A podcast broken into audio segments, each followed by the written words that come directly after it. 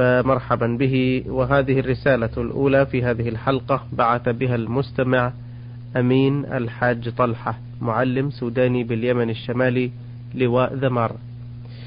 يقول أنا أعمل باليمن والعطلة في نهاية العام الدراسي عندنا والعطلة في نهاية العام الدراسي عندنا تكون دائما في أواخر شهر شعبان. ونسافر للسودان في شهر رمضان وبما أن هنالك رخصة فإننا نضطر في الطائرة فإننا نفطر في الطائرة ثم نصل إلى بلدنا. ولكننا نتأخر يومين أو ثلاثة في الخرطوم لقضاء بعض الأمور هناك ثم نسافر منها إلى بلدنا أو قرانا والتي تبعد عنها على مسافة تبيح الفطر. فهل يجوز لنا الإفطار هذه الثلاثة أيام قبل الوصول إلى قريتنا أم لا؟ الحمد لله رب العالمين وأصلي وأسلم على نبينا محمد وعلى آله وأصحابه أجمعين. يجوز لكم أن تفطروا هذه الأيام الثلاثة قبل الوصول إلى بلدكم أو إلى قريتكم.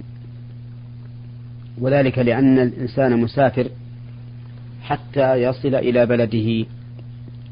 وقد قال الله تعالى فمن شهد منكم الشهر فليصمه ومن كان مريضا أو على سفر فعدة من أيام أخر.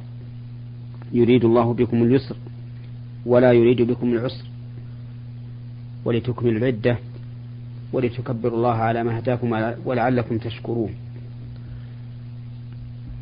ولكم أيضا أن تترخصوا برخص السفر الأخرى كالقصر والجمع والمسح على الخفين ثلاثة أيام. لأن السفر لا ينقطع إلا بوصولكم إلى وطنكم. نعم. آه، سؤاله الثاني يقول ما هي أحكام المسح على الخفين؟ نعم. المسح على الخفين له حكم واحد وهو أن الإنسان إذا لبسها على طهارة على طهارة بالماء فإنه يجوز له أن يمسح عليها. لكن بثلاثة شروط. نعم. الشرط الأول هو ما أشرنا إليه من أن يكون قد لبسها على طهارة بالماء. ودليل ذلك ما ثبت في الصحيحين من حديث مغيرة بن شعبة رضي الله عنه أنه صب على النبي صلى الله عليه وسلم وضوءه. فتوضأ النبي صلى الله عليه وسلم. فأهوى المغيرة إلى خفيه لينزعهما. فقال النبي صلى الله عليه وسلم دعهما فإني أدخلتهما طاهرتين. فمسح عليهما. فقوله صلى الله عليه وسلم فإني أدخلتهما طاهرتين تعليل لقوله دعهما. والحكم يدور مع علته وجودا وعدما. فدل هذا على أنه إذا لبسهما الإنسان على طهارة جاز له المسح. وإذا لبسهما على غير طهارة فإنه لا يمسح. الشرط الثاني أن يكون ذلك في الحدث الأصغر دون الأكبر. لحديث صفوان بن عسال أمرنا رسول الله صلى الله عليه وسلم إذا كنا سفرا ألا ننزع خفافنا ثلاثة أيام ولياليهن ولياليهن إلا من جنابة ولكن من غائط وبول ونوم. فقوله إلا من جنابة يدل على أنه لا يجوز مسحهما مع الجنابة بل يجب نزعهما. الشرط الثالث أن يكون في المدة المحدودة شرعا وهي للمقيم يوم وليلة وللمسافر ثلاثة أيام بلياليها نعم. للمقيم يوم وليلة تبتدئ من أول مرة مسح. وليس من الحدث بعد اللبس وليس من اللبس. نعم. وذلك لأن النصوص جاءت بأن يمسح يوما وليلة. ولا يتحقق المسح إلا بوجوده فعلا. فالمدة التي تسبق المسح لا تحسب من المدة التي قدرها النبي صلى الله عليه وسلم. فإذا قدر أن الرجل توضأ لصلاة الفجر ثم بقي على طهارته وانتقض وضوءه قبل الظهر بساعتين ثم توضأ لصلاة الظهر ومسح فإن ابتداءه فإن ابتداء المدة يكون من مسحه حين مسح لصلاة الظهر. وليس من الحدث الذي سبق الظهر بساعتين. فيكمل على هذا المسح يوما وليلة إن كان مقيما. وثلاثة أيام بلياليهن إن كان مسافرا. وقد اشتهر عند بعض الناس أن الإنسان يمسح خمسة أوقات إذا كان مقيما وهذا ليس بصحيح وإنما يمسح يوما وليلة كما جاء به النص. نعم. وهذا قد يمسح قد يصلي أكثر من خمس صلوات. فلو أنه مسح في الساعة الثانية عشرة ظهرا فلما كان اليوم الثاني مسح في الساعة الثانية عشرة إلا ربعا ظهرا. ثم بقي على طهارته حتى صلى العشاء فإنه في هذه الحالة يكون صلى تسع صلوات. ظهر اليوم الأول والعصر والمغرب والعشاء والفجر وظهر اليوم الثاني والعصر والمغرب والعشاء. وذلك لأن المدة إذا تمت وقد مسحت قبل أن تتم وبقيت على طهارتك فإن طهارتك لا تنتقل. وقول من قال إن المدة إن الطهارة تنتقض بتمام المدة لا دليل عليه. والأصل بقاء الطهارة حتى يقوم دليل على انتقاضها. نعم. لأن القاعدة الشرعية أن ما ثبت بدليل لا يرتفع إلا بدليل. ولم يرد عن رسول الله صلى الله عليه وسلم أن من تمت مدة مسحه انتقضت طهارته. فإذا لم يرد ذلك وجب أن يبقى الوضوء على حاله. والنبي عليه الصلاة والسلام إنما وقت المسح ولم يوقت الطهارة. لو كان النبي صلى الله عليه وسلم وقت الطهارة لكانت الطهارة تنتقض بتمام اليوم والليلة وهو إنما وقت المسح. نعم لو مسح الإنسان بعد تمام المدة ولو ناسيا فإنه يجب عليه أن يعيد الوضوء وأن ينزع خفيه ويغسل قدميه. حتى لو صلى بهذا الوضوء لو صلى بهذا الوضوء الذي كان بعد تمام المدة ومسح فيه فإنه يجب عليه إعادة الصلاة ولو كان ناسيا. وأما إذا كان مسافرا فإنه يمسح ثلاثة أيام بلياليها نعم. ويكون ابتداء المدة كما أسلفت من المسح. من أول مرة مسح نعم. ثم لو مسح في الحضر ثم سافر فإنه يتم مسح مقيم يوما وليلة.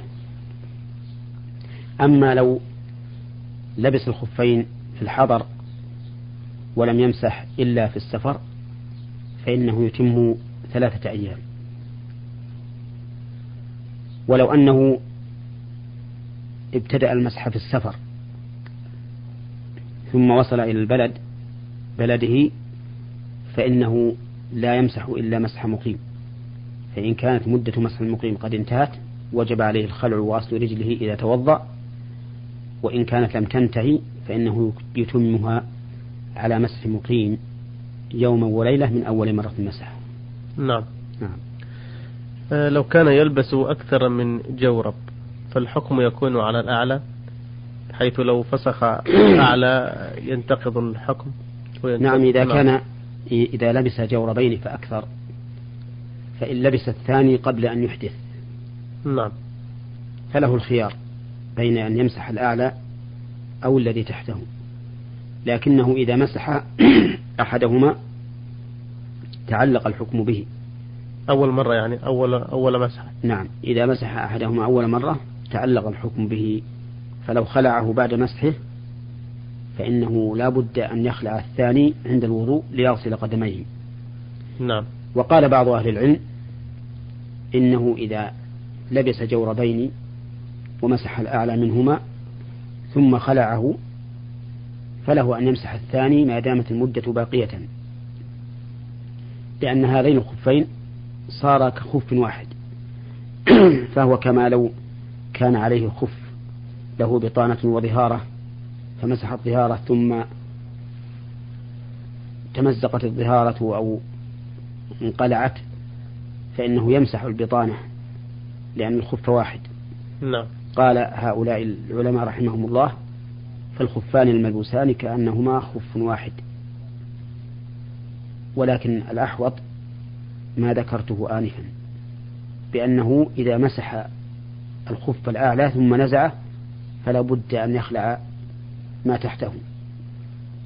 وبناء على ذلك نقول من لبس جوربا وخفا يعني كنادر على الشراب وصار يمسح الكنادر فإنه إذا خلع الكنادر بعد مسحها لا لا يعيد المسح عليها مرة أخرى.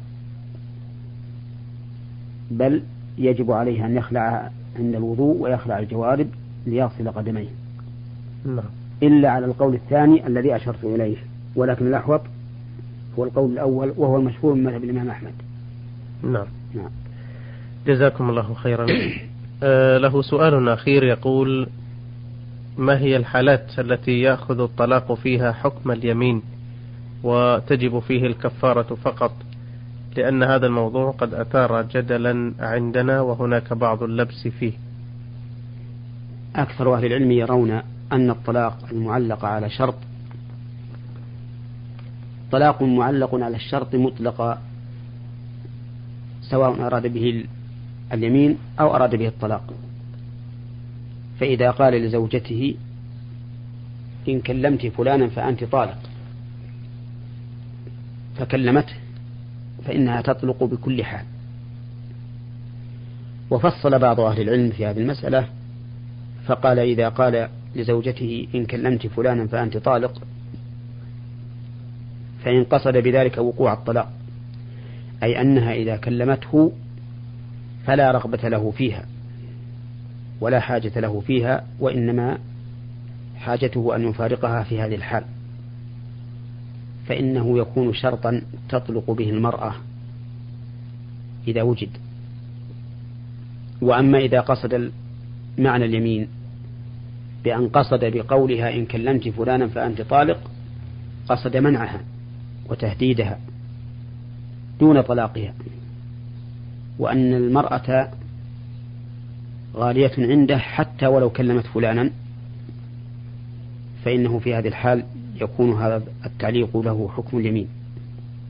إذا كلمت هذا الرجل الذي حذرها من كلامه فإنها لا تطلق ولكن يكفر كفارة يمين وكفارة اليمين هي ما ذكره الله في قوله فكفارته إطعام عشرة مساكين من أوسط ما تطعمون أهليكم أو كسوتهم أو تحرير رقبة. هذه ثلاثة أشياء يخير فيها. فمن لم يجد فصيام ثلاثة أيام وإطعام المساكين يكون على وجهين. أحدهما أن يصنع طعاما غداء أو أو عشاء فيدعوهم إليه فيأكلون والثاني أن يعطيهم حبا رزا أو برا أي قمحا أو ما أشبه ذلك من أوسط ما يأكل الناس في مكانه وزمانه. ومقدار ذلك من الرز ستة كيلوات. ولكن ينبغي أن يجعل معها ما يؤدمها من لحم أو غيره ليكون الإطعام كاملا. نعم. ستة كيلو إطعام العشرة جميعا. نعم. ستة كيلو إطعام العشرة جميعا. نعم. بارك الله فيكم. آه هذا المستمع عين عين حاء الشهري من تنومة بعث بهذه الأسئلة. يقول إذا بدأت في صلاة فرض ومضى بعضها ثم دخل المسجد متأخر مثلي ولم يدخل معي في صلاتي فهل يجوز لي أن أشير إليه بيدي للدخول معي لنحظى بفضل الجماعة؟ وهل ذلك أفضل أم صلاته وحده؟ يجوز لك إذا دخلت وحدك في الصلاة ودخل رجل آخر أن تشير إليه ليصلي معك. ولا حرج في ذلك. وهذه المسألة اختلف فيها أهل العلم. فمنهم من قال إنه لا يصح أن يدخل مع الإمام أن يدخل مع المنفرد أحد بعد نية انفراده. لأنه يشترط أن ينوي الإمامة قبل الدخول في الصلاة. ومنهم من قال بجواز ذلك ومنهم من فرق بين الفرض والنفل والصواب أن ذلك جائز وأن الرجل إذا صلى وحده منفردا ثم دخل رجل آخر فللآخر أن يصلي معه. لأن النبي صلى الله عليه وسلم قام يصلي من الليل وكان وحده. فقام ابن عباس رضي الله عنهما فصف معه عن يساره فأخذ النبي صلى الله عليه وسلم برأسه من ورائه فجعله عن يمينه. وهذا دليل على جواز نية الإمامة بعد الدخول في الصلاة منفردا وهو في النفل ظاهر وما ثبت في النفل ثبت في الفرض إلا بدليل ولا دليل على المنع. وعلى هذا فلك أن تشير إليه ليصلي معك. نعم. وإذا صليتما جماعة في هذه الحال وقد أدرك معك ركعة فأكثر حصل لكما أجر الجماعة. نعم. السؤال الثاني يقول إذا صليت بأهل بيتي من النساء في السفر أو الحضر فهل يجوز لهن رفع الصوت عند التأمين؟ وإذا كان الحكم بالجواز فهل يجوز أيضا إذا كان معنا رجال غير محارم لهن؟ المرأة لا تجهر بشيء من الذكر مما يسن رفع الصوت به. نعم. ففي التلبية لا ترفع صوتها وفي الذكر بعد الصلاة لا ترفع صوتها وفي قول آمين لا ترفع صوتها. هذا هو المشروع في حق المرأة سواء نعم. كان معها رجال أم لم يكن معها رجال. وعلى هذا فإذا صليت بأهلك في صلاة جهرية وقلت ولا الضالين فإنك تقول آمين ترفع بها صوتك. وأما أهلك من النساء فلا يرفعن أصواتهن بذلك. نعم. السؤال الأخير يقول آه، هل يجوز في يوم الجمعة أن يخطب شخص ويصلي آخر؟ وقد تكون حجة من يفعل ذلك أن هذا خطيب ومستواه الدراسي جيد ولكنه يرتكب بعض المعاصي آه، بينما الإمام الذي يصلي مستقيم وربما قد لا يكون في مستوى ذلك من حيث الدراسة. نعم يجوز في صلاة الجمعة أن يتولى الخطبة واحد ويتولى الصلاة غيره لأنه ليس ليس من شرط صحة الخطبة أن يتولاها من يتولى الصلاة. وقد ذكر ذلك أهل العلم رحمهم الله. فإذا كان هذا الخطيب أبلغ وأفصح وأعلم فإنه لا حرج أن يتولى الخطبة ويتولى الإمام الراتب الصلاة وهذا يفعل كثيرا. لكن ها هنا مسألة أحب أحب أن أنبه عليها. نعم. وهي أن بعض الناس يتولى رسميا الإمامة في هذا المسجد سواء كان يصلى فيه الجمعة أو لا يصلى. ثم لا يصلي إماما في هذا المسجد. بل يقيم غيره مقامه مقامه بنصف الراتب أو بربعه أو بأكثر من ذلك أو أقل. ومثل هذا عمل لا يجوز. لا يجوز من وجهين. الوجه الأول أن فيه أكل للمال بالباطل. فإن هذا المال أو فإن هذا الراتب الذي يأخذه يأخذه هذا الذي لا يصلي يأكله بغير حق. لأن هذا الراتب إنما جعل لمن يكون إماما في هذا المسجد وهذا الرجل لا يكون إماما. وثانيا أن في ذلك خيانة للدولة. فإن الدولة إنما كلفتك أنت بشخصك لتكون إماما في هذا المسجد. وقد تقيم فيه من لا ترضاه الدولة. وكل عقد يكون المقصود به شخص العاقد فإنه لا يجوز أن يقيم غيره فيه أو أن يقيم غير غيره مقامه إلا بعد إذن من تعاقد معه. وعلى هذا فأولئك الذين يأخذون مساجد تقام فيها الجمعة ويقيمون غيرهم يصلي الصلوات الخمس فإذا جاءت الجمعة جاءوا فخطبوا وصلوا هؤلاء آثمون. وعليهم أن يتوبوا إلى الله عز وجل وأن يقوموا بمقتضى العقد الذي تعاقدوا به مع الدولة حتى يبرئوا بذلك ذممهم ويأكلوا مرتبا حلالا. نعم. نعم. بارك الله فيكم. هذه الرسالة من المستمع صادق علي إسماعيل يمني مقيم بجيزان. يقول تزوج رجل من امرأة وبعد زواجه بمدة قصيرة سافر إلى خارج بلده بحثا عن عمل. وبعد ذلك بمدة أشيع عنه أنه قد مات ولم يكن هناك من يعرف الحقيقة في هذا الموضوع. فصدق الناس تلك الشائعة فاعتدت زوجته عدة المتوفى عنها. وبعد خروجها من العدة تقدم إليها رجل يطلب الزواج منها وفعلا تزوجها.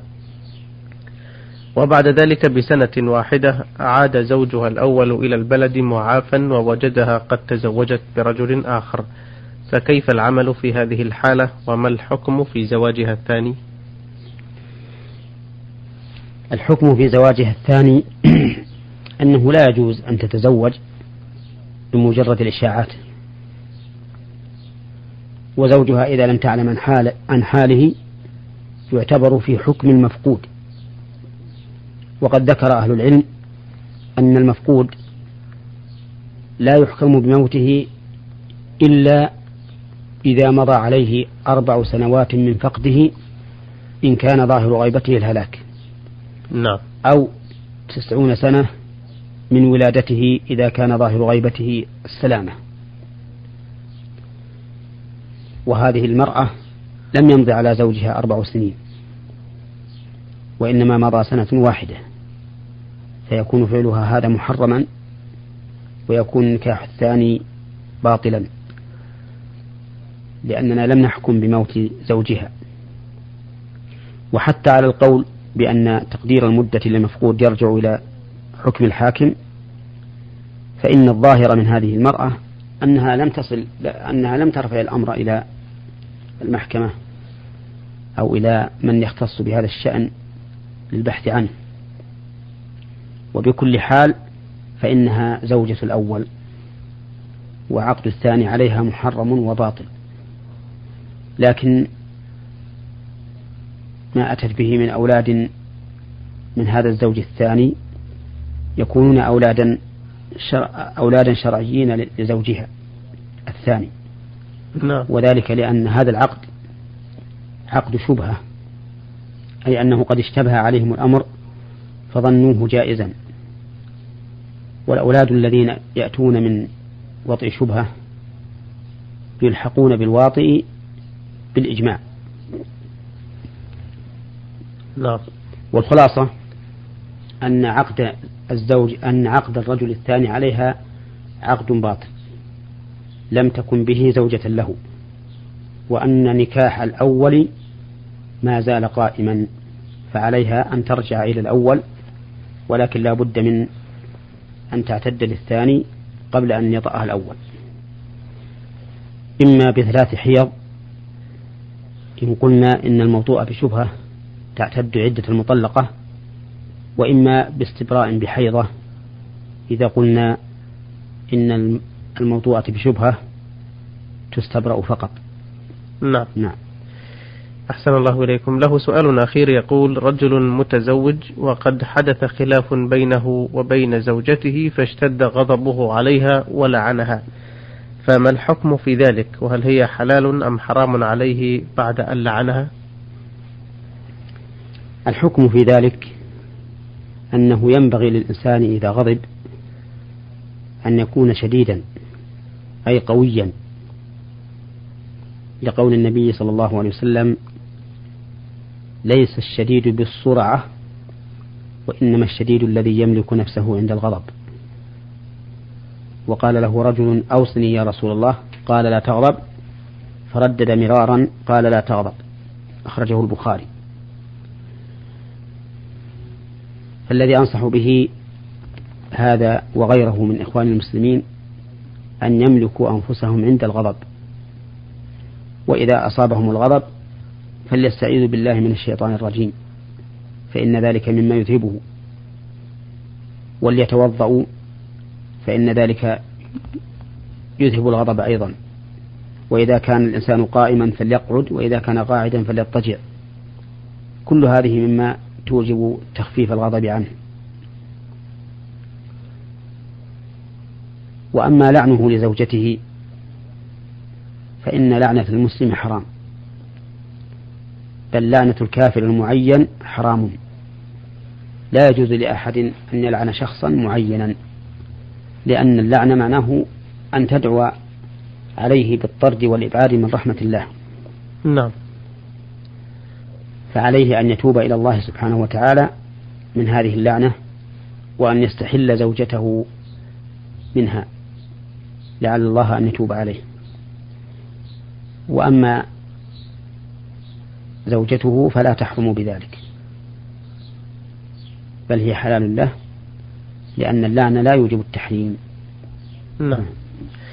أحسن الله إليكم وأتابكم أيها الإخوة الكرام في نهاية هذه الحلقة نتوجه بشكرنا الجزيل إلى